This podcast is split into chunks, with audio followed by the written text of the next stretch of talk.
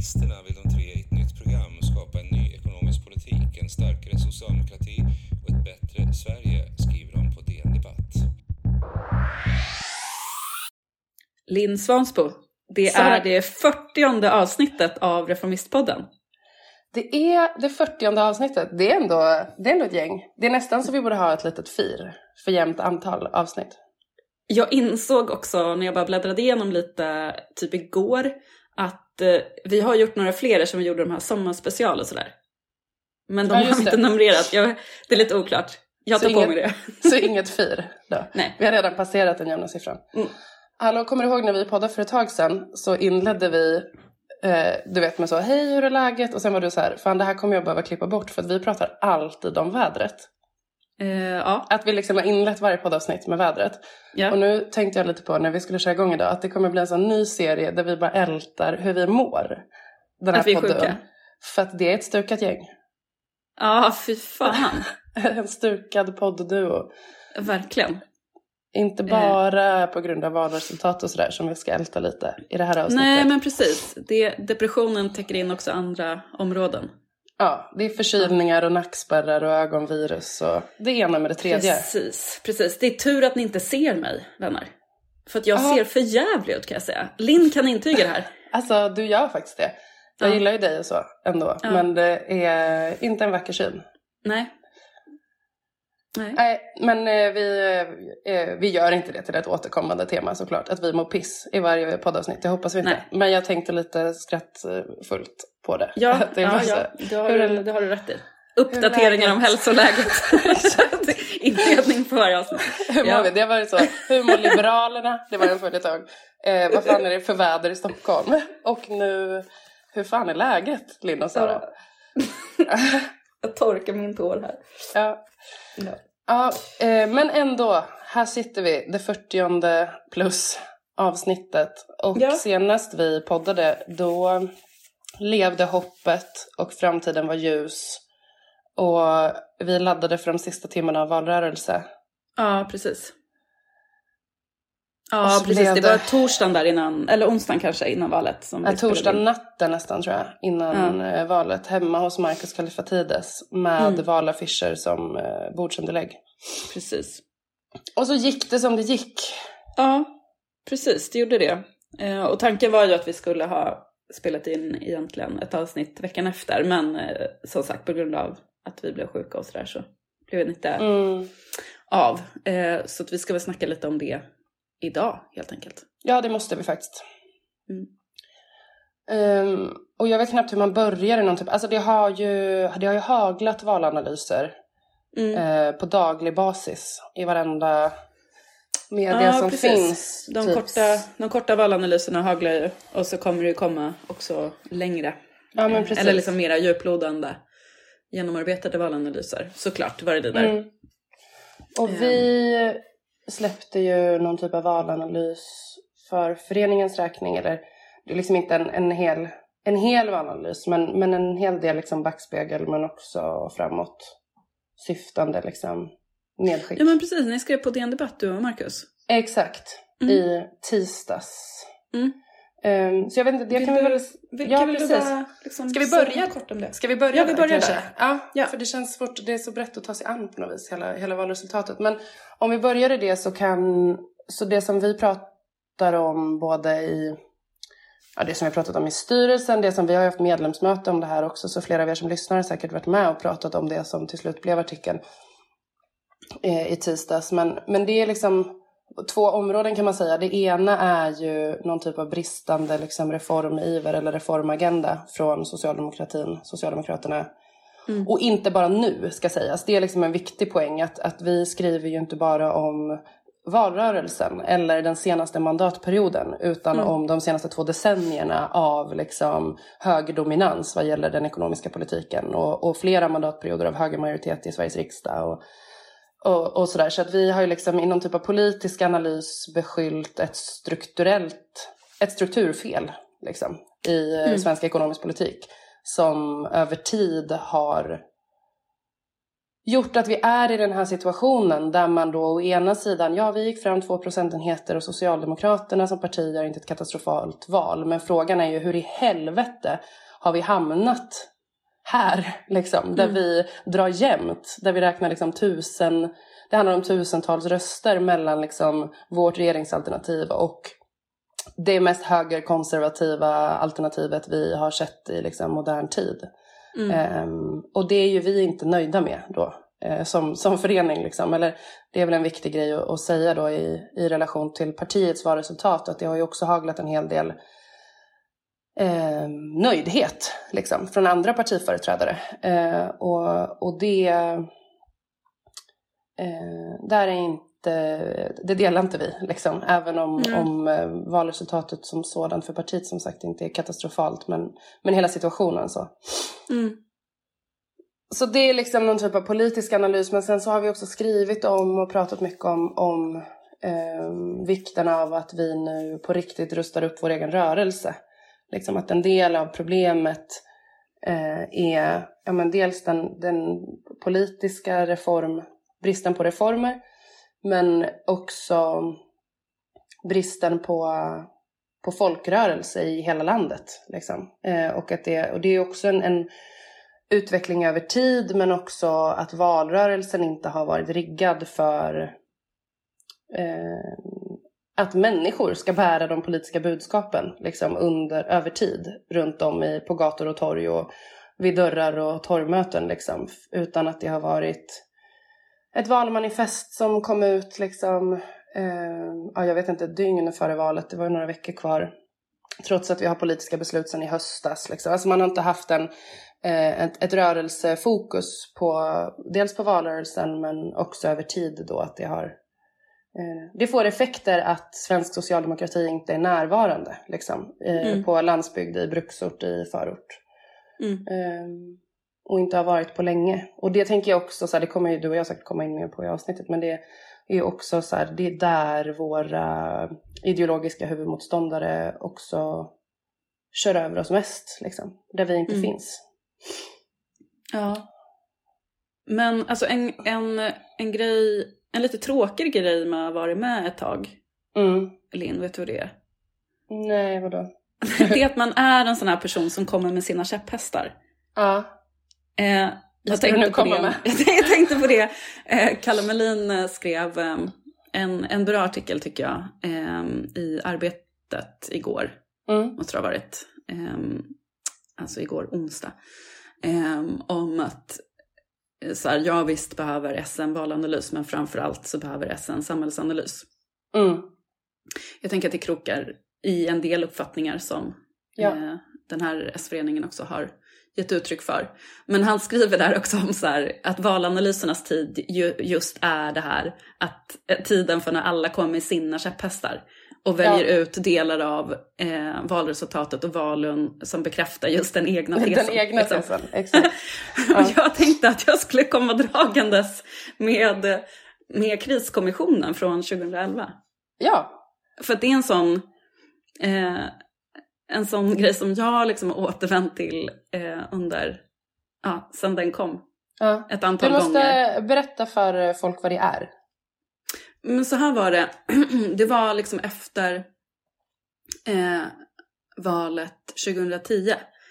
Eh, när vi förlorade igen mm. mot eh, Reinfeldt. Eller liksom den borgerliga alliansen. Eh, med, då när Mona Sahlin var partiordförande. Det var då när jag kom in i riksdagen för övrigt. Ehm, mm. Men då, då tillsattes en kriskommission som inte bara liksom skulle göra en, en vanlig valanalys utan göra liksom en bredare eh, genomlysning. Så de jobbade ju liksom i ett års tid typ. Mm. Eh, för att titta på eh, ja, men dels då så här, opinionstrenderna och liksom den politiska dagordningen under valrörelsen så som man tittar på i en valanalys, men också titta bredare på rörelsen och eh, titta på mera långsiktiga politiska och liksom, opinionsförändringar. Mm.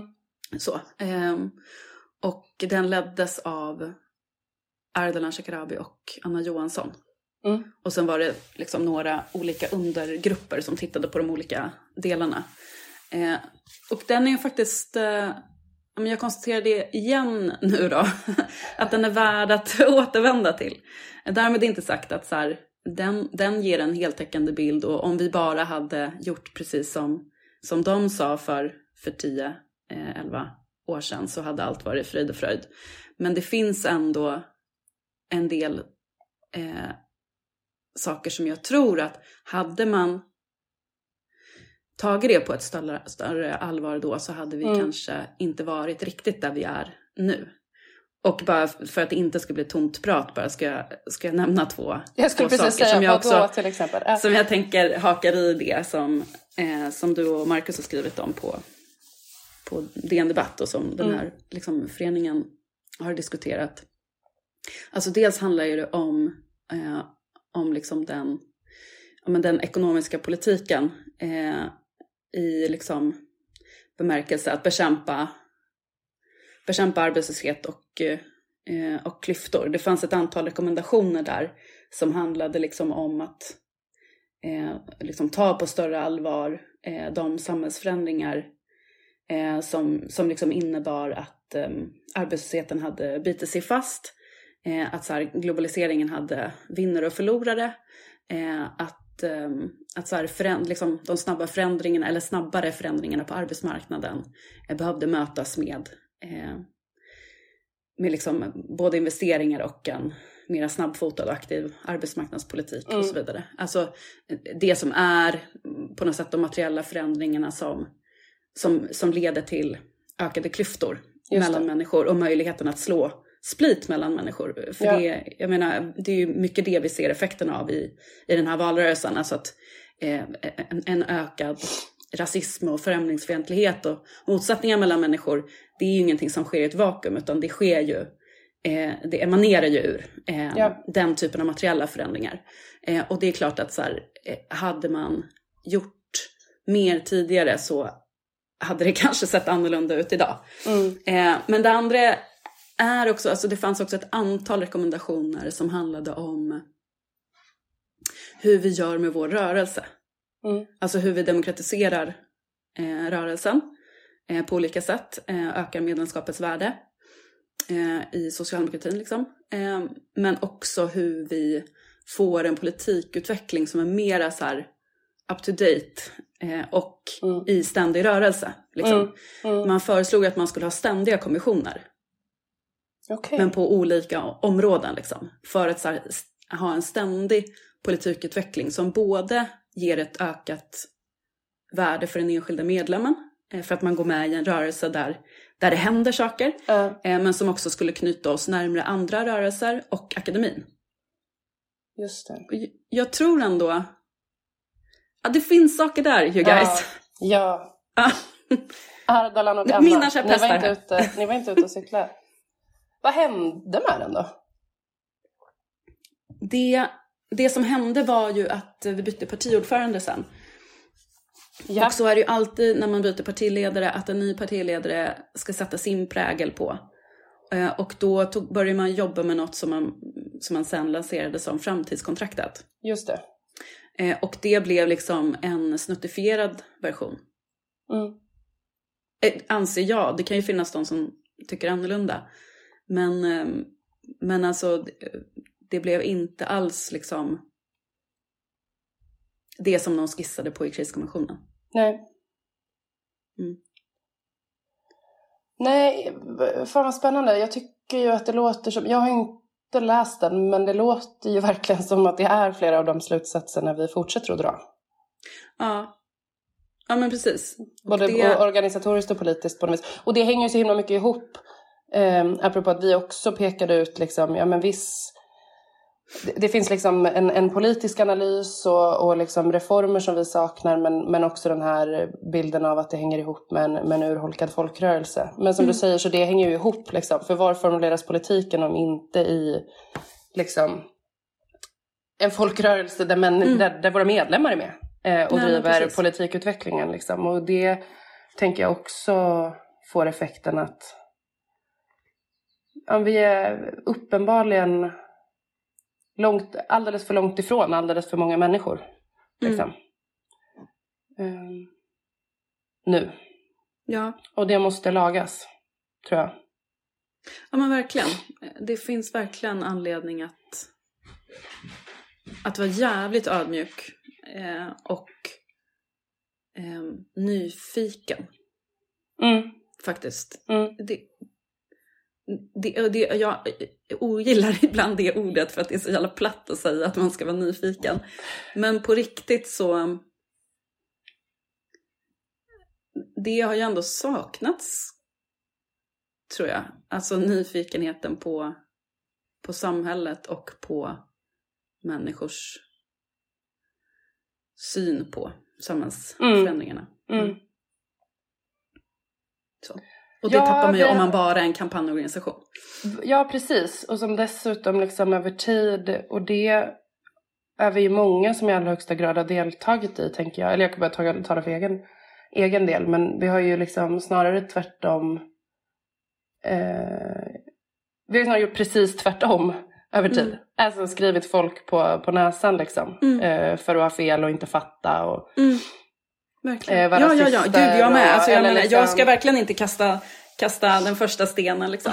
Ehm, Men nej, jag tror verkligen det ligger någonting i det där som, måste, som verkligen måste lagas, liksom, både organisatoriskt och politiskt. Och inte bara för att vi vill vinna val, liksom. men ja, men det, det kan jag också tänka på i relation till eh, partiet Nyans. ja, Eh, det är ju en sak med det här valresultatet som jag tänker kommer behöva analyseras. Eh, både vitt och brett, som, Mm. som allting annat. Ehm, och som jag tror att så här, man behöver liksom tänka till lite kring. För att så här, vi, vi ska inte... Jag tror att det kommer finnas de som tycker så här, vi ska inte ge dem mera uppmärksamhet än vad de förtjänar, eller vad man ska säga. Eh, utifrån eh, hur stora de är. Eh, och absolut, det är inte så att så här, Magdalena Andersson ska så här, bjuda in Mikael Yüksel på debatt i bästa Nej. sändningstid liksom, för att ge Nej. dem den plattformen. Men eh, jag tror verkligen inte heller att man ska underskatta dem. Vi, vi kan liksom inte göra så. Vi, vi måste ju visa att vi har lärt oss någonting av SDs eh, framgångar. verkligen. Ehm, och precis som många redan har pekat på så är ju Nyans på flera sätt ett liknande parti som SD. Ja, Eller typ som ett SD för islamister liksom. Ja, precis. På, eh, livnär sig på någon typ av eh, Missnöje. splittring och missnöje som ett resultat av ett alldeles för isärslitet samhälle. Liksom. Ja men precis, och det tänker jag att så här, att man, hur mycket den, ehm, hur mycket man än kan tycka illa om en del politik som de driver och eh, företrädare de har, så tror jag att man måste närma sig också det här med någon typ av nyfikenhet. För det är klart att, eh, att det finns personer i deras ledning och bland deras väljare som är islamister och som har föreningar som är så helt oförenliga Mm. med våra. Mm. Eh, precis som med liksom människor som röstar på SD så kan man ju ha olika bevekelsegrunder. Alltså att Ja. det finns ju ganska många av de som röstar på SD som inte tillhör den typen av kärna. Eh, utan som liksom har andra bevekelsegrunder Ja. eh, som vi borde vara mer nyfikna på. Och det blir samma med partiet Nyans nu. Eh, alltså att ska vi liksom ehm, stämma det här i bäcken då kan vi inte göra samma misstag. Att bara så här, utdefiniera och stämpla ut de här människorna.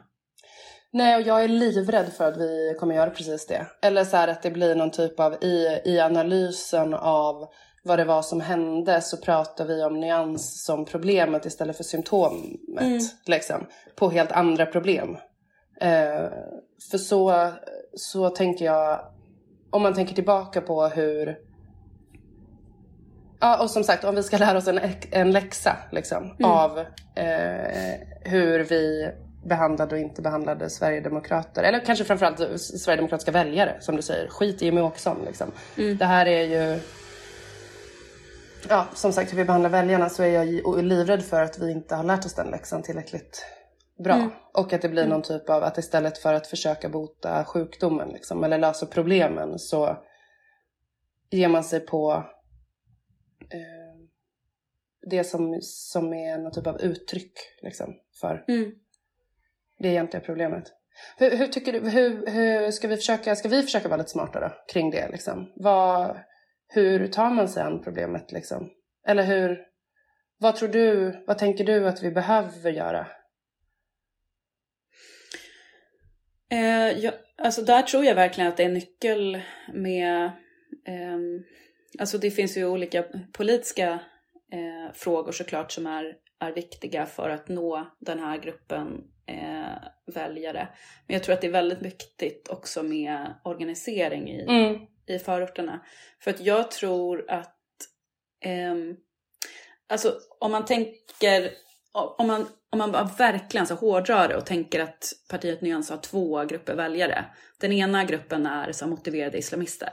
Mm. Eh, de kommer det vara svårt för oss att nå. De har liksom andra, de får typ KD eh, försöka jaga efter Mm. eller något. Mm. Eh, för de har mycket mer gemensamt än vad de har med oss, liksom i någon typ av Mm. grundvärderingar. Men så tror jag att det finns en annan grupp och den gruppen har ju också mycket större potential. Mm. Både för nyans men, såklart också för oss eller andra rörelser till, till vänster. Eh, där tror jag, alltså då apropå att man kan ha andra bevekelsegrunder, så jag tror att det finns en ganska stor grupp eh, människor då, som ju också då är väljare. men, men om vi i första hand ser på dem Ja, som, som människor. människor och politiska subjekt. Det Eh, är så storsint av Ja, jag. otroligt. eh, men i liksom eh, ytterstäderna, eller i förorterna då, som men ser på sina egna livsvillkor och sina liksom grannars, sina barns och så vidare Mm. livsvillkor och ser att här, här skiljer det sig så jävla mycket åt i det här samhället. Eh, alltså att man har mycket sämre, alltså man går i sämre skolor, man har sämre förutsättningar på arbetsmarknaden, bostadsmarknaden. Eh, och eh, eh, alltså att man ser att så här, resurserna i samhället kanaliseras någon, någon annanstans. Mm. Alltså att så här, landet blir rikare men det, det märks inte där. Liksom. Nej. Eh, eh, tvärtom så liksom har trots att, ja men det har vi pratat om tidigare, trots att sysselsättningen har ökat eh, så har man blivit fattigare. Mm. Eh, och så vidare. Eh, det är ju liksom i stor utsträckning här också som människor tar olika sådana gig, jobb och osäkra anställningar Mm. och så vidare. Eh, och jag tror att om man inte har mött en aktiv arbetarrörelse så är risken väldigt stor att man ser och tolkar det här väldigt mycket som en rasistisk struktur. Mm.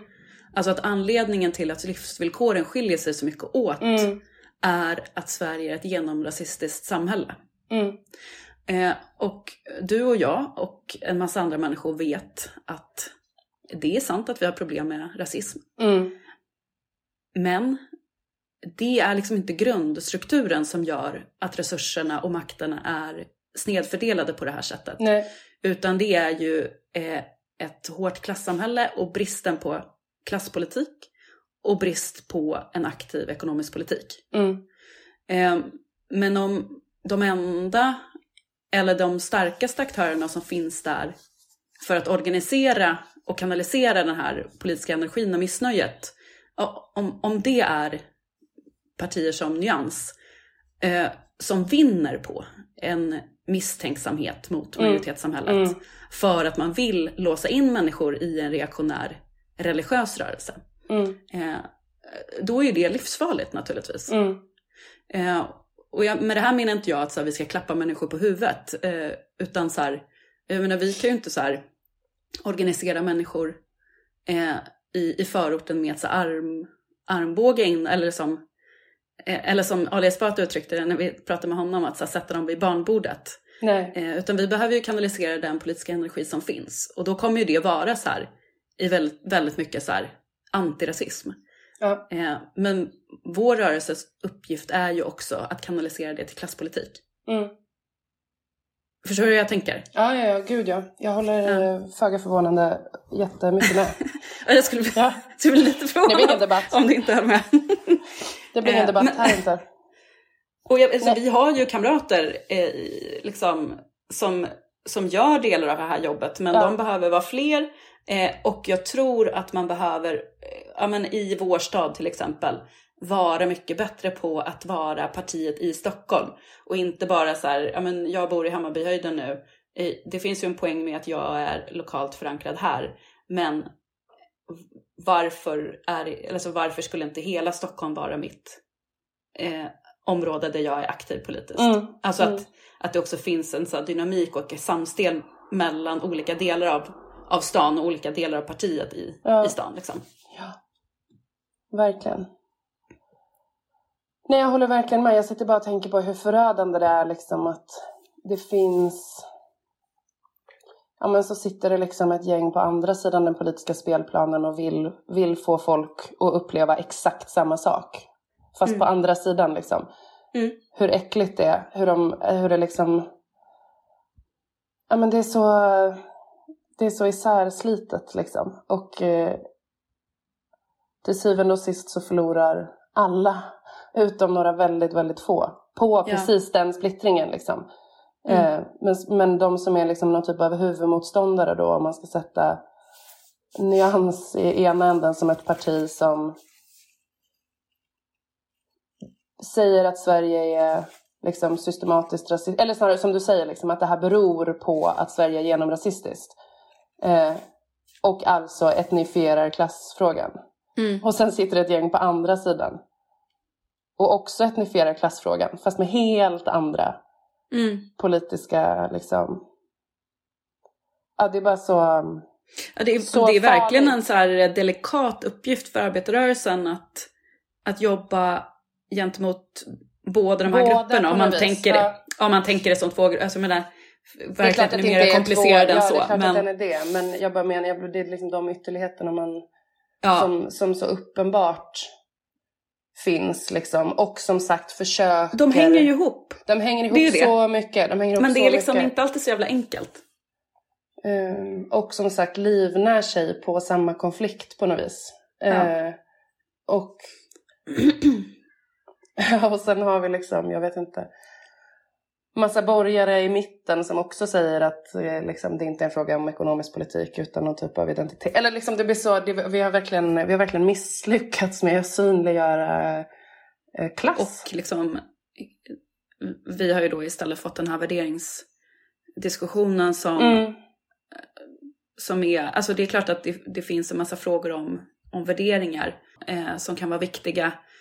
Men eh, vi har fått en diskussion om värderingar som på något sätt gör gällande att dels att de är statiska och dels att de är knutna till etnicitet och eh, Ja, alltså, mm, ja, etnisk grupp helt enkelt. ja, Eh, vilket ju är ett jättekonstigt sätt att se på värderingar. Eh, åtminstone om man eh, som vi är eh, historiematerialister. exakt. Alltså vi, vi måste ju närma oss det på, på ett helt annat sätt. Men, men när vi inte liksom, när vi inte är tillräckligt bra, då tvingas vi ju in i högerns sätt att diskutera.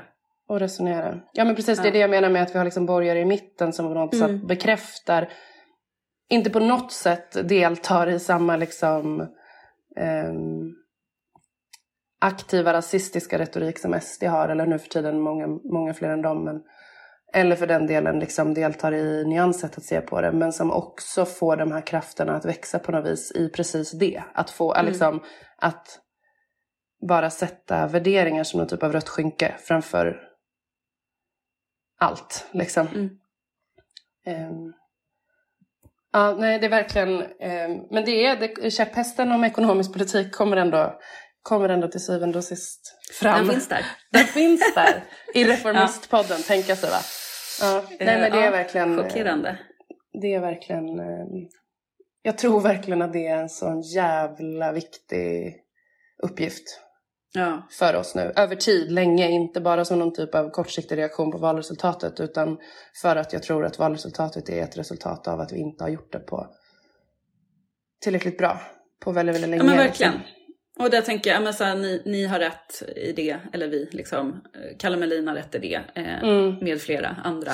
Alltså att det här, det handlar ju liksom inte bara om att göra en kortsiktig analys av eh, hur opinionen gick under valrörelsen och anpassa sig Mm. efter det, utan att så här, alltså i grunden eh, fråga sig hur samhället ser ut och vart det är på väg. Och Mm. vart vi som rö- rörelse befinner oss i det. Liksom. Mm. Ehm, Ja, Ja, jag läste en jättebra i Arbetet idag också av, det är också ett, ett lästips av Niklas Altermark om hur liksom tras, ned, nedmonteringen av sjukförsäkringen eh, har liksom... Ja, ah, just det. Han forskar eh, om typ ah, sjukförsäkringen eller ja, sånt. och han, det liksom, han har skrivit jättemycket om också så hur snacket går i såna här Facebookgrupper och sådär som han har varit med i. Från, där mm. folk är organiserade, alltså folk är med i såna här Facebookgrupper för att man har blivit utförsäkrad eller för att man är långtidsarbetslös eller mm. ja, men på olika sätt befinner sig i den typen av vad som ska vara trygghetssystem liksom, men som har blivit det motsatta för jättemånga människor. Ja. Um, och hur mycket de hatar Socialdemokraterna. Mm. Eller liksom hatar socialdemokratin och den uppgiften som är så viktig för oss liksom, som har blivit Ja, och så är det jättemånga som vurmar för Sverigedemokraterna för att de säger åtminstone mm. som det är. Och man har liksom, Socialdemokraterna har skurit ner på våra trygghetslösningar för att finansiera massinvandringen. Liksom, hur den världsbilden bara existerar. Okay, liksom. Men, um, men är inte bara liksom dystopisk utan pratar, skriver väldigt, väldigt klokt om liksom, ja, men den uppgiften att, att bygga socialförsäkringssystemet eh, tryggt igen. Liksom, och, och bygga upp den typen av men också just det här om...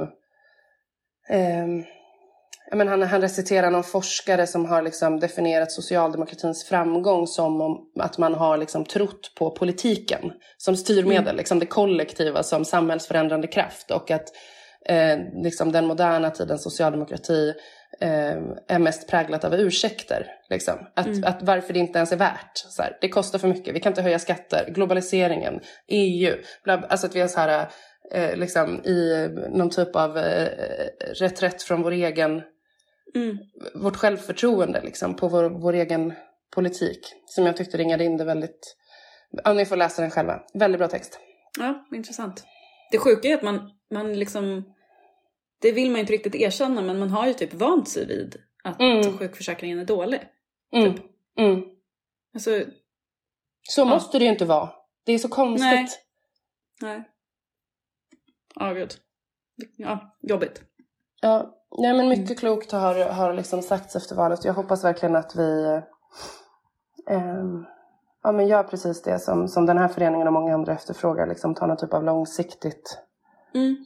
sikte. Verkligen. Eh, och apropå vi... det, eh, apropå det liksom, eh, verkligen det långsiktiga. Eh, så en grupp som jag tänker att vi skulle behöva lägga mycket tankekraft och energi på är ju de unga. Ja. Alltså det som man har pratat om då som så Greta-generationen som skulle vara så hoppet. De är typ KDU-are? Inte riktigt så va? Nej! De är, de är borgare. Uh, ja. Och SD-are. Jättemånga. Såg du? Var... Jag, jag kommer inte ihåg det exakta men har du läst om skolvalsresultaten? Ja, precis. Båda, ja. Alltså båda de unga i valen, som ju, då är de definierade som, är det 18 till 30 som är kategorin? Eh, och sen är det skolvalsresultaten. Ja. ja. Där ju eh, i, bo, i båda, båda fallen eh, mm. så är ju S tredje största parti. Mm. Och MSD större. Mm.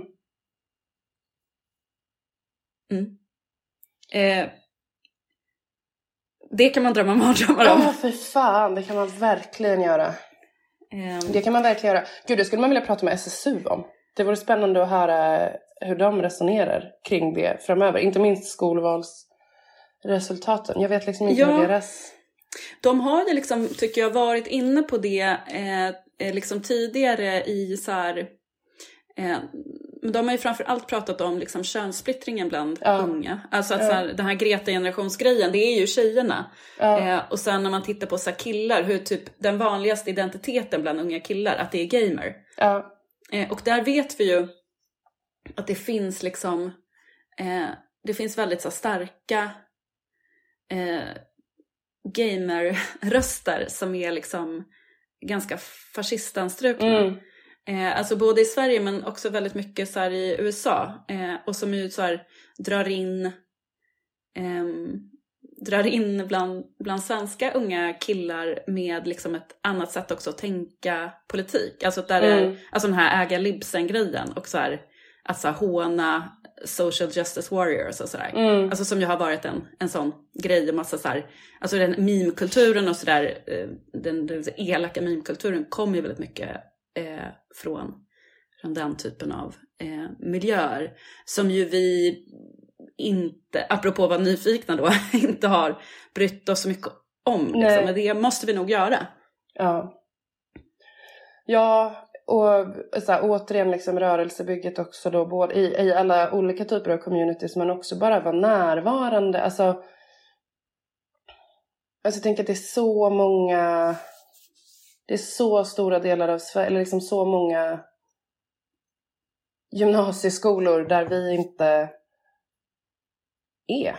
Liksom. Eller så här, där, an, där annat träder in. Jag bara läste, det har ju också fi- liksom, eh, cirkulerat en hel del slutsatser om att högern vann matchen på TikTok typ. Eller så här, högern har vunnit matchen på sociala Mm. medier liksom. F- för är inte vi där, oavsett om det då är på TikTok eller om det är på gymnasieskolorna eller om det är liksom på, ja, där, där människor befinner sig liksom. Det gäller ju även unga. Då Mm. träder ju andra in. Liksom. Ja, men jag tror också att så här, det är ju också format, alltså det behöver vi fundera över. Att det, är, alltså, så här, det är ju format som gör det väldigt tacksamt att så här, håna de som är så här, snälla töntar. Och det är ju vi. Ja. Ja, som bara Nej. vill att folk ska ha det gött, liksom, även om man inte alltid är högpresterande. Eller, alltså du vet så här, Du menar att det, Det finns, finns liksom- människor som inte tycker att elevkursordföringen är coolast, ja, coolaste eh, det klassen? finns det. Va? Ehm, och eh, ja, men jag, jag, liksom, det finns ju en, man låter ju hundra år gammal, men det finns ju en sån internetkultur liksom. Mm. Eh, och som ju är, eh, passar väldigt bra i, i, på TikTok eller eh, på sådana ställen, YouTube. Mm. Så. Mm. Eh, som är, ja men att eh, äga libsen. Mm. Jo. Mm. Eh, men jag tror, alltså, jag tänker egentligen att det finns två grejer, alltså om man så bara ska tänka på, på de unga. Varför, det, Vi, måste varför bara plocka, vi måste handplocka coolare personer. Ja, men det måste vi. Ja. Eh, men, jag, men det finns ju någonting liksom i så här, det här är ju liksom en, en generation eller generationer som är uppvuxna verkligen i så här, det så här hyperindividualiserade. Ja. Eh, och det är inte så jävla konstigt då eh, att, så här, att det, det är coolt eller liksom att det blir inne att vara eh, höger. Eh, för att man är högre om man är en sån som lyckas. Mm. Alltså vänstern är till för att skydda de som misslyckas. Alltså Ja. jag, jag tror att det De svaga förlorarna som inte kan ta sig fram. precis. Och töntarna. Och alltså, så, så Ja. har det ju varit liksom... Det har egentligen varit så ganska länge att sossa har varit ett skällsord. Och då kan ju det vara för lite vad som helst att typ att vara en sån som har matlåda med sig. Att det är Ja. så synd. Ja. Nej men så sådana grejer. Eh, alltså det, det finns något så här, det finns något i, i kulturen kring det. Eh, men också apropå kultur, nu lämnar jag verkligen min, mina käpphästar eh, kring ekonomisk politik. Mm. Eh, för att jag tror att det också finns något i, som är svårt för oss som är äldre att förstå.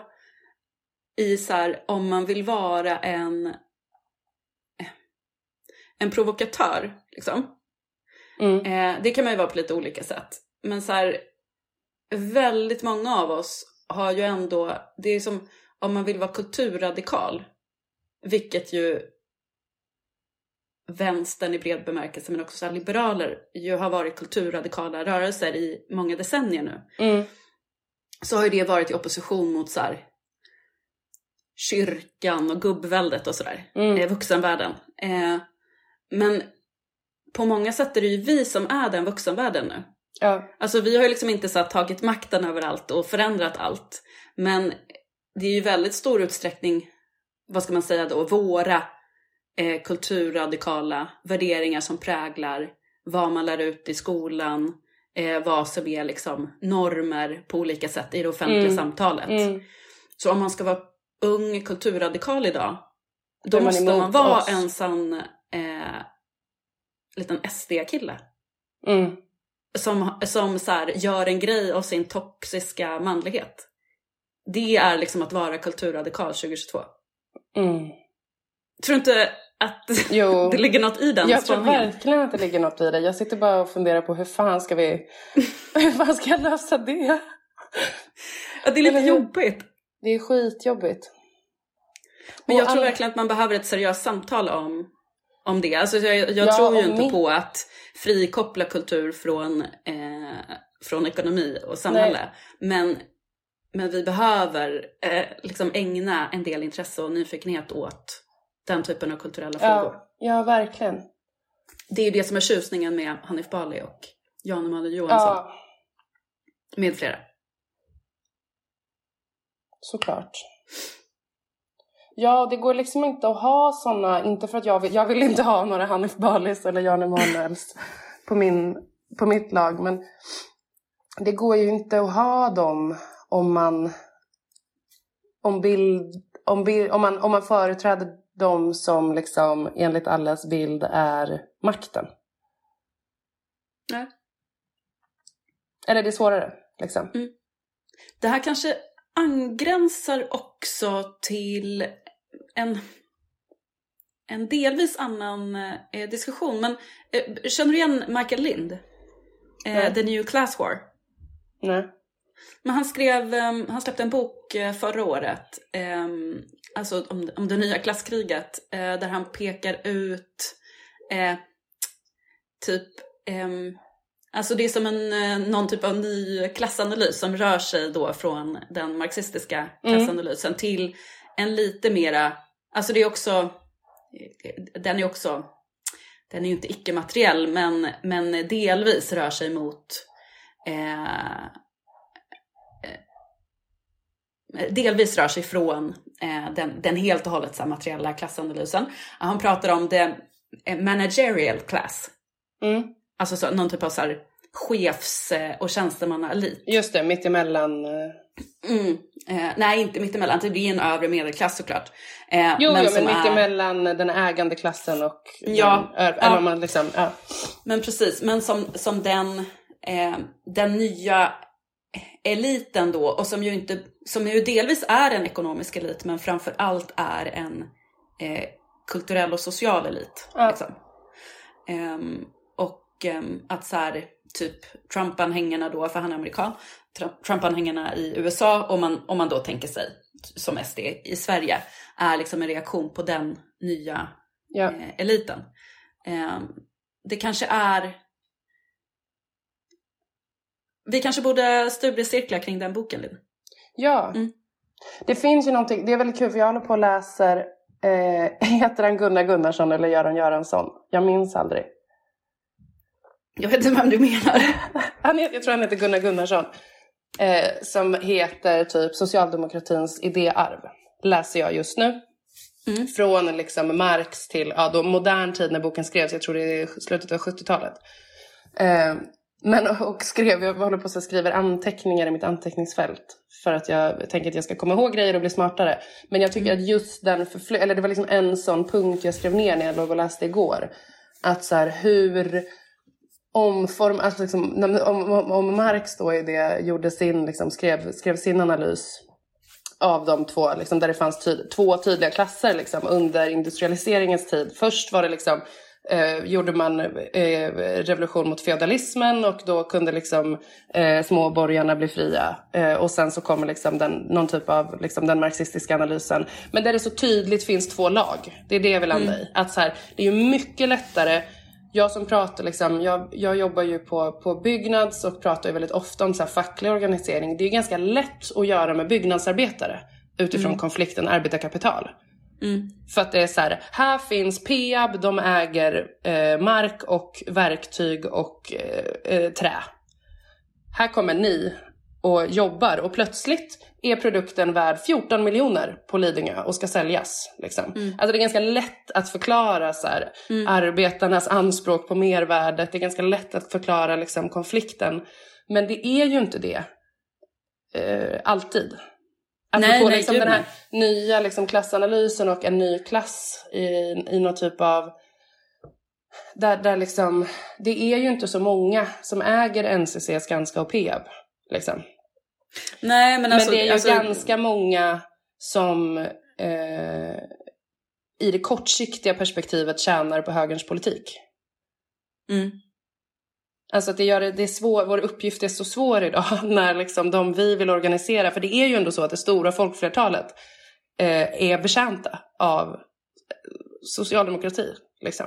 Men jag tror, men jag tror det ska bli jävligt intressant nu när vi får en högerregering. Ja, Eh, alltså när de här eh, 22-åringarna eh, får smaka på två karensdagar och eh, mm. eh, liksom eh, slopat investeringsstöd för hyresrätter och, eh, och vad kan man mer vänta sig? Kanske eh, ökade inslag av att man kan köpa sig förbi vårdköerna.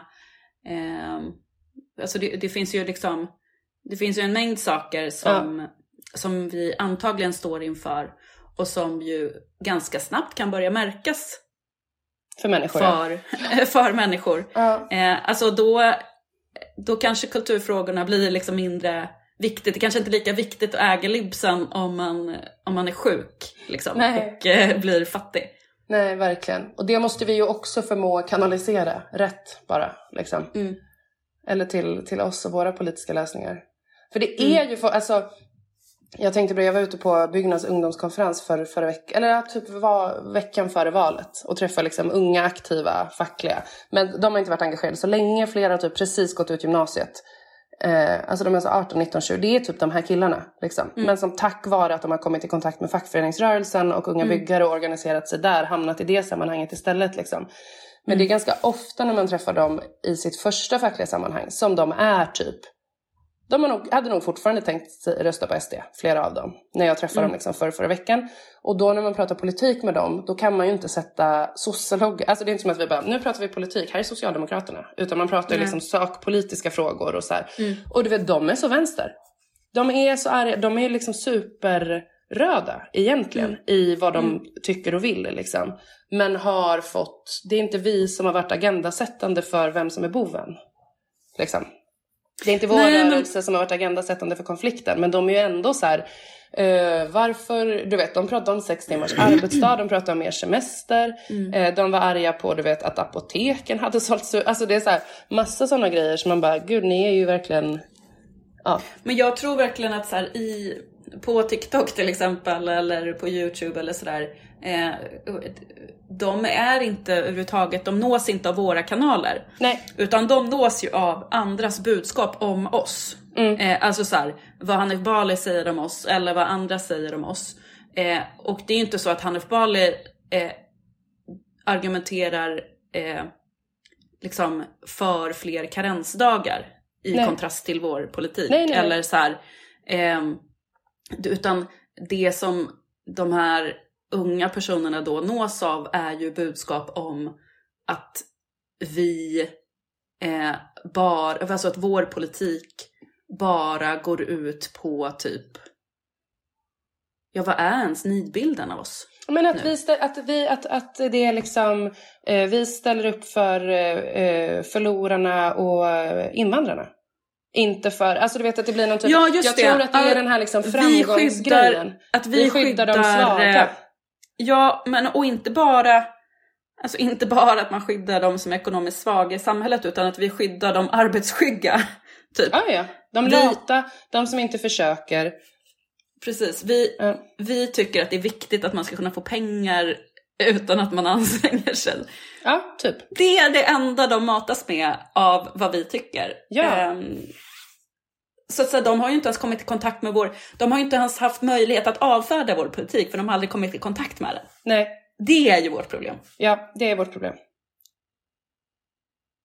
Ja, det här Det måste vi verkligen verkligen vårt prata problem. mer om. Hur Och, fan och, vi att vi, och att vi för töntiga då, tydligen. Ja, inte du och jag, men... inte du och jag. Om de bara sätter oss i gymnasieskolorna, då kommer allt ordna sig. Ja. Absolut. Nej, jag var elevkursordförande. Jag är, det är kört. Jag har kanske haft en kort karriär som cool i mitt liv. Ja, du var ändå inte- cool jag på tror- gymnasiet. Superstrulig ju. Ja, men cool vet jag inte. Men strulig Nej, absolut. men det är ändå coolare att vara strulig än att vara sån MVG-unge som jag var. Ja, kanske. Ah, ja. Men det får vi brotta mer, gräva mer i. Inte våran gymnasietid alltså, utan hur vi ska lyckats Exakt. organisera unga högerkids. Ja. Eller de tror att de är högerkids, de är ju inte det egentligen. Nej, Men högern har lurat dem. ja. Men du, en grej som jag vill säga om valet, Sara. Vi har spelat in snart en timme. Ja, jag vet. Men Ja. jag ska klippa bort lite också. Nej, men Ja. en grej som jag vill säga om valet faktiskt. Eh, det är att det gick bra i Stockholm. Det är värt ett litet fir efter Mm. att vi nu mest har pratat om att det gick dåligt och hur ska vi lösa allt som har gått dåligt. Mm. Det är eh, så in i helvete viktigt. Kanske särskilt då med tanke på hur det gick i riksdagsvalet. Att vi vann så många kommuner och regioner och inte minst vår huvudstad. Det tåls att sägas. En, Absolut, både huvudstaden och eh, vi har gått framåt kraftigt i flera eh, kranskommuner. 23 av 26 kommuner i regionen vann vi. Mm. En liksom blev största parti. Ja, och nu så sker det ju förhandlingar i både regionen och i stadshuset om nya styren. Jajamän. Det kommer ju inte vara färdigt när det här avsnittet släpps. Nej, det kommer det inte vara. Men det kom ut i, igår att det i alla fall är färdigt att i stadshuset så är det VMPS som sitter ner och förhandlar. Mm. För där, där har vi ju också majoritet Mm. med VMPS. Så det är ju himla gött. Regionen är vi ett mandat ifrån. Mm, Så där kommer väl samtalen precis. fortsätta. Vi hoppas på Centerpartiet. Ja, Mm. det får vi göra. Mm. Ja. Ja, det var bara det. Det behöver vi inte analysera vidare än så. Nej. Det var kul. Bra absolut. jobbat Stockholm. Verkligen, vilken insats det har varit eh, från ja, folk runt om i hela landet såklart. Men Ja. ja. Men det är också kul för det är ju här vi har varit i varit. Stockholm. Ja precis och här har vi varit mest aktiva som förening. Liksom. Men det är ju Mm. här vi har vår hemvist. Så att här har det också. Ja verkligen också en high five till oss och den här Ja. föreningen. Vi har slitit Verkligen. jättehårt i den här stan. ja, mycket bra. Mm. Applåd. Applåd till oss. Linde, känns eh, svårt att spela in utan att säga någonting om det ekonomiska läget. Ja. Sen har vi ju eh, inte riktigt tid och i alla fall jag har inte riktigt så kapacitet att göra eh, väldigt avancerade analyser av inflationen och sådär. Nej. Eh, men men eh, det känns svårt att inte säga någonting givet så senaste dagarnas utveckling med den här ja, men, Ränte. oväntat stora räntehöjningen och liksom olika krav på eh, kostnadstäckning för olika grupper och aktörer. Liksom, och Ja. Vad, som kommer ske i förlängningen av det och vad vi kan förvänta oss av den tillträdande regeringen. Alltså, eh, man kan ju känna ganska stor oro över hur det här ska bli. Ja. Alltså både i, både i termer av ehm, att, eh, att en tillträdande regering är för fast i så budgetdisciplin och budgetregler och därmed så använder finanspolitiken för att förstärka en lågkonjunktur. Det kan jag känna mig Mm. orolig över. Mm. Men eh, jag tror ju å andra sidan också så här, mot bakgrund av olika vallöften som har, har gjorts och sådär att, att de ju är beredda att lätta lite på budgetdisciplinen för att tillmötesgå olika krav. Men Mm. då är ju risken att så här, de enda som man tillmötesgår är eh, Inte oss höll jag på att säga. Inte Nej, utan inte de, vanligt. De som tyvärr måste stänga av poolhuset eh, för att de inte längre har råd att betala elräkningen. Eller, för att det Eller- svider för mycket att betala elräkningen. Men det är liksom medan så här, typ eh, hyresvärdarna kommer få igenom sina eh, Mm. krav på, på 10-procentiga 10 procent ja. hyresökningar. Sjukt. Eh, ja, det... Ja, men jag är, jag är faktiskt... Eh, jag är ganska orolig liksom. Eh, Ja. Över det. Eh, Jag med. Det är också Och- svårt. Ja, alltså det är, så svåra många frågor. olika, det är, det är jättesvåra frågor för det är också olika, det är så många olika delar och så många olika typer av kostnadstekniker, tekniker. Jag kan inte prata, kostnadstäckningar man pratar om. Liksom. Mm. Eller som du säger, å ena sidan då, eh, ja men det, det hann ju också våran regering vara ute och liksom Ja men det är liksom stödpaket för både det ena och det andra och sen är det liksom vad är kriget, vad är liksom, det händer massa grejer i EU, det händer massa grejer hemma, det är en avtalsrörelse som stundar, vad är liksom Mm. lönedrivet i inflationen, vad är inte lönedrivet, hur orolig ska man, alltså det är så många det olika säger väl i delar. och för sig eh, typ alla, eller det finns väl ingen som påstår att det är lönedrivet. Eh, Nej. Utan det är ju, och det är inte generellt en överhettning av ekonomin, utan, eller det tänker jag framstår som väldigt tydligt att det är drivet av energipriserna. Alltså vet. det är knutet till kriget. Ja, Ehm. och jag vet ju det, men det blir ju förvirrat när man nu då inför en avtalsrörelse pratar om att, att Ja men verkligen. alltså, Men, men det, är ju, det blir också förvirrat för att det är svårt med så här, även om det är drivet av energipriserna så det sker ju smittoeffekter såklart i hela ekonomin. Alltså jag menar, det är klart att el och bränslepriser smittar av sig på, eh, på matpriser och på, på liksom prissättningen generellt. ja, Eh, men sen är det så här, finns det ju säkert också en dimension eh, av att en del bara passar på att öka sin profit. Ja, Eh, ja, och det har men sen är det redan- ändå löntagarna som ska stå Exakt. där och ta ansvar, ta för att ansvar. inte Ja. bidra till inflationen. Nej precis, löntagarna ska ta ansvar men mjölken höjs, äggen höjs och hyrorna ska höjas med 10 procent. Liksom. Mm. Men poolhusägarna får statliga subventioner för att kunna... Nej jag är, Ja, det- jag är skitorolig för att det där också cementeras ytterligare. Som du Mm. säger. Eller så här, det har vi ju redan sett. Det ser man ju, det, så är det ju redan med rådande ekonomisk politik och rådande skattepolitik. Att Ja. ägande belönas mer. Liksom. Eller det är det som belönas med skattesubventioner och rabatter. Liksom. Men hyresgäster får ingenting. Ehm, och nu då uh, till råga på allt. Massa LO-avtalssekreterare som är ute och vevar om att lön, löntagare inte ska förvänta sig löneökningar. Liksom. Men alla andra får höja priserna. Mm. Nej, och det är ju dessutom, alltså, om jag, om jag läser eh, läget rätt så det handlar ju liksom inte om ens då att, eh, att man ska break even eh, i inflationsspiralen utan att eh, löntagarkollektivet ska gå med på reallönesänkningar. Ja. Eh, alltså det, det är det som just nu är budet. Ja. Och alltså jag, eh, jag tänker så här att det, vi är ju många, alltså jag menar, det har ju tjänat Sverige och svensk arbetarrörelse väl att eh, fackföreningsrörelsen har sett sig som en del av samhället eh, och så här varit eh, en part i att också ta ansvar för eh, något större, liksom, ett allmänintresse Mm. och inte bara det egna löntagarintresset. Eh, men eh, och, alltså, menar, det får man ju vara tacksam över. Men det, det blir, just nu så upplever jag det som jävligt skevt liksom. När, Mm. när, när löntagarna är de enda som ska ta ansvar för att inte bidra till inflationsspiralen. Vad fan är det liksom? Och sen på det då så kommer vi ha en arbetarfientlig regering. Mm. Alltså Mm. det, vilken jävla cocktail. Ja, det är en jävla cocktail. Och som du säger, de som säger att löntagarna är den enda gruppen som ska ta ansvar, det är alltså löntagarnas företrädare.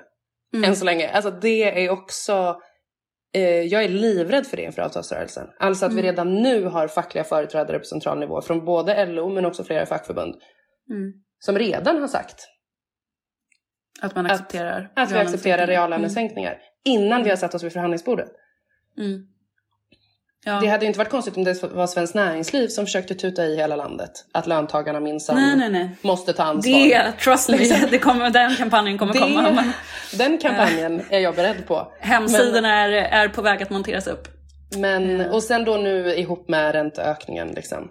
Och då var ju Laura Hartman, som är chefsekonom på LO, ute och, Mm. och pratade om att det är en dålig idé för att det är inte en lönedriven inflation och ihop Mm. med liksom, ja men precis som vi resonerar så. Men å andra sidan också då säger Laura Hartman och andra LO-företrädare att, att löntagarna ska ta ansvar för att inte Mm. driva på inflationen. Så nej, jag tycker det är eh, riktigt eh, otäckt. Och svårt, som sagt, att Mm. veta vad man ska liksom... Vilka andra politiska styrmedel finns? Det är också en intressant liksom... Ja. Det, det skulle man behöva... Eller det skulle jag behöva lära mig mer om. Liksom. ja, men och det kan vi ju säga eh, direkt att vi tänker att eh, nästa vecka istället för ett vanligt avsnitt så kör vi en live Ja. med eh, personer som kan hjälpa oss att bena lite i de här frågorna. Dels rent kunskapsmässigt, eh, men också i så här, ja men vad, vad borde man göra och vad Mm. blir Eh, eftersom att vi går i opposition nu, vad, vad blir liksom vår roll som opposition eh, i det här? Eh, att driva för politisk linje och sådär. Eh, alltså för att jag, eh, alltså det finns ju en del grejer som är så här, eh, jag bara när jag scrollade Twitterflödet eh, efter eh, beskedet från Riksbanken, Mm. eh, så, eh, du vet ekonomen Max Järnek, Mm. Eh, han beskrev så här typ varför, varför höjer man inte amorteringskravet istället? Det skulle ha samma avkylande effekt på ekonomin Mm. eftersom att det minskar konsumtionsutrymmet och efterfrågan. Men utan att man får eh, de effekter på investeringsnivån som eh, höjt ränteläge riskerar att innebära. Liksom. Eh, och eh, ja, Varför gör man inte det? det skulle man vilja veta. Varför? Ehm, jag jag antar att det är liksom, liksom... Ja men det finns väl någon förklaring till det, jag vet inte. Ja, Eh. Det, det beror väl också på vilka sektorer man, alltså i vilka sektorer vill man ha nedkylning och inte liksom. Ja. Ehm, alltså så här, det, det kanske skulle slå för isolerat på um, bolagen och marknaden bara och man kanske vill komma åt andra delar. Å andra sidan så vi vill väl att eh, kapitalintensiv industri fortfarande ska kunna göra investeringar. så Ja, att det, precis. Ja, men jag vet inte, Ja. Man skulle ju behöva typ hjälp av någon som kan bena mer i det Ja. än, än vad jag har kapacitet att göra. Ja, verkligen. Ja, men och det gör vi då. Live Ja. nästa vecka. Precis, och då vill vi även att du som lyssnare ska kunna skicka in dina frågor i förväg. Det kommer också finnas möjlighet att lyfta frågor under själva eh, livesändningen, men eh, det bästa sättet är att skicka in dem i förväg. Ja. Och då kan man väl göra det, ska vi damma av mejlen? Ja, Det var länge sedan vi gjorde reklam för den. Man, man eh, kan mejla till oss på Mm. reformistpodden gmail.com och skicka in frågor där. Eller bara hitta mig och Sara på sociala medier. Ja, Eh, precis. Vi finns, finns både här och där, höll jag på att säga. Utan på TikTok då, där de coola högerkidsen finns. jag har ett konto på TikTok, men det jag är inte så sant? aktiv där. Ja, Okej, hitta Sara på TikTok eller mig på. Insta och Twitter och Facebook. Ja, Mm. så skicka in lite frågor. Och som sagt, sen kör vi en, en livesändning på Facebook. Ja, precis. Eh, och då kan man ju kommentera i chatten och sådär under tiden. Men vi ska väl försöka haffa ett par proffs. Som eh, kanske vill ha lite exakt. frågor i förväg och sådär. Så det är ju toppen. Ja men precis. Och tanken är ju, alltså både bena i så här kunskapsmässigt, vad, vad fan är det som händer? Hur ska vi tänka kring eh, eh, liksom den här inflationsspiralen och eh, de olika politiska instrument som finns. Alltså Mm. liksom ränta och penningpolitik men också finanspolitiken. Och så här, vad är, eh, alltså så här, vad borde vi driva i det här? Ja, Det ska vi bena i. Yes. all right. Innan vi avslutar Mm. Eh, en annan grej som inte bara kan passera är ju händelseutvecklingen i Iran. Ja, verkligen. Apropå eh, att, eh, eh, ja vi vet ju inte exakt vad som har hänt men en kvinna vid namn Masa, eller eh, Gina Amin, Mm. eh, dog i förvar hos eh, moralpolisen i Iran. Mm. Alltså de som går runt och trakasserar och fängslar kvinnor om de inte bär sin slöja tillräckligt bra. Mm. För så förstod jag att hon bar sin slöja men visade för mycket av håret. Visar för mycket hår, ja. Mm. Eh, eller sedlighetspolisen kallas den kanske? Nej, moralpolisen. Jag vet inte. Jag vet inte vad som är den korrekta översättningen. Eh, Nej. Men, ja. eh, det här har uppmärksammats såklart på olika platser i Iran men också olika platser runt om. Också Mm. i, i Sverige såklart. Eh, eftersom att det här är en, ja, det är ett uttryck för eh, ja, men en religiös diktatur men också ett enormt kvinnoförtryck som vi Ja. vet också präglar eh, Ja, och det har brutit ut, brutit ut massiva demonstrationer och protester mm. där. Ju också, ja, och, och i andra delar av världen också. Men Oh ja. Och tyvärr nu så har man ju sett det larmat sen i, igår kväll, eh, alltså onsdag kväll, eh, om att eh, de stängde ner eh, olika sociala medier och delar Mm. av, av internet. Och eh, det är ju tyvärr ett tecken Mm. på att de Ja. tänker gå in och rensa gatorna. Ja. Eh, så att, eh, ja, det får man ju vara rädd för just nu då, Ja, att det fan. pågår ehm, ja, en, en, en rensning av gatorna helt enkelt, där, där polis och militär går in och griper och ja, i värsta fall då massakrerar demonstranter. Eh, så att det här är ju personer och en rörelse som förtjänar allt vårt stöd. Verkligen. Eh, och jag tänker att det här har ju också, det har ju fött eh, delvis också en diskussion i Sverige som känns jävligt låg liksom. Att så här, ja, var är nu, var är ni vänsterfeminister ja. nu, bla bla bla, allt det här. Och jag tänker att vi behöver inte sänka oss till den nivån, Nej. liksom att så här, peka på vem som gör vad och inte och sådär.